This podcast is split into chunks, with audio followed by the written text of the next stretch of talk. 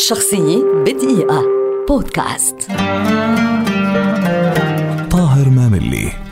ملحن ومؤلف موسيقى تصويرية سوري كبير ولد عام 1966 ويعد واحدا من أعظم مؤلفي الموسيقى التصويرية في تاريخ الدراما السورية والعربية.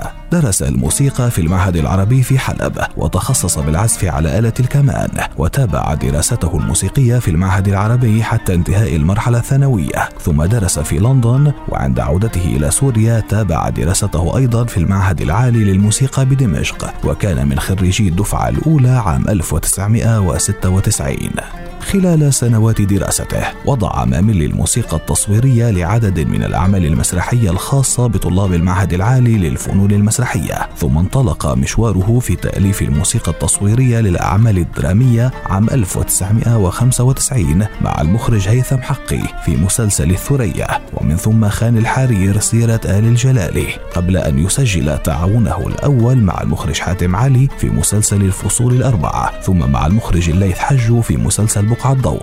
لتتوالى بعد ذلك نجاحاته في وضع موسيقى تصويرية رائعة لعدد كبير من الأعمال الهامة نذكر منها صلاح الدين الأيوبي غزلان في غابة الذئاب التغريبة الفلسطينية ذكريات الزمن القادم أهل الغرام الزير سالم عصر الجنون ضيعة ضيعة وسنعود بعد قليل. بالإضافة إلى الموسيقى التصويرية تعاون طاهر ناملي أيضا كملحن مع عدد من نجوم الغناء أمثال مياد الحناوي عبد الله رويشد أصالة ونور مهنا. حصل ماملي خلال مسيرته حتى الآن على عدد من الجوائز وتكريمات مثل جائزة أدونيا عن مجمل أعماله عام 2005 وعن موسيقى مسلسل زهرة النرجس عام 2008 وجائزة أفضل موسيقى تصويرية في مهرجان القاهرة الدولي عن الموسيقى التصويرية لمسلسل الدوامة عام 2009 شخصية بدقيقة.